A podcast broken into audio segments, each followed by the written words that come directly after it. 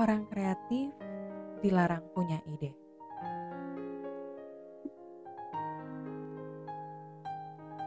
Ini pengalaman nyata yang dialami oleh seorang pelayan yang melayani sebagai driver.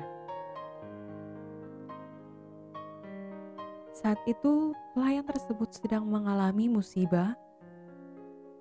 Anak semata wayang meninggal dunia karena sakit demam berdarah.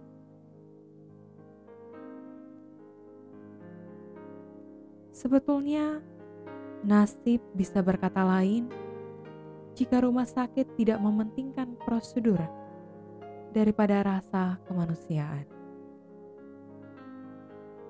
Namun, takdir berkata lain.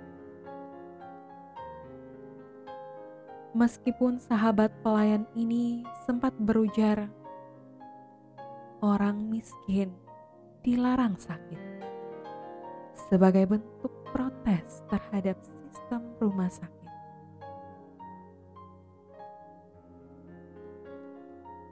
Hal yang sama juga terjadi di perusahaan-perusahaan besar yang justru menaruh konsen terhadap ide bawahannya tapi oleh karena prosedur yang belum ada, sehingga menyebabkan setiap ide sulit dieksekusi menjadi produk layanan.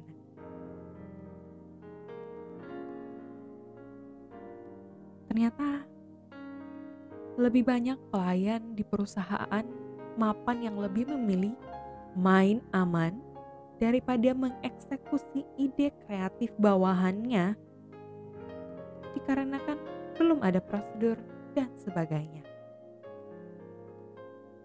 Padahal, ide-ide kreatif tersebut dapat meningkatkan performance perusahaan atau bahkan menyelamatkan perusahaan. Namun, mohon maaf, karena prosedur lebih penting daripada kreatif, sehingga orang kreatif dilarang punya ide. Peraturan itu untuk memudahkan, bukan untuk sebaliknya.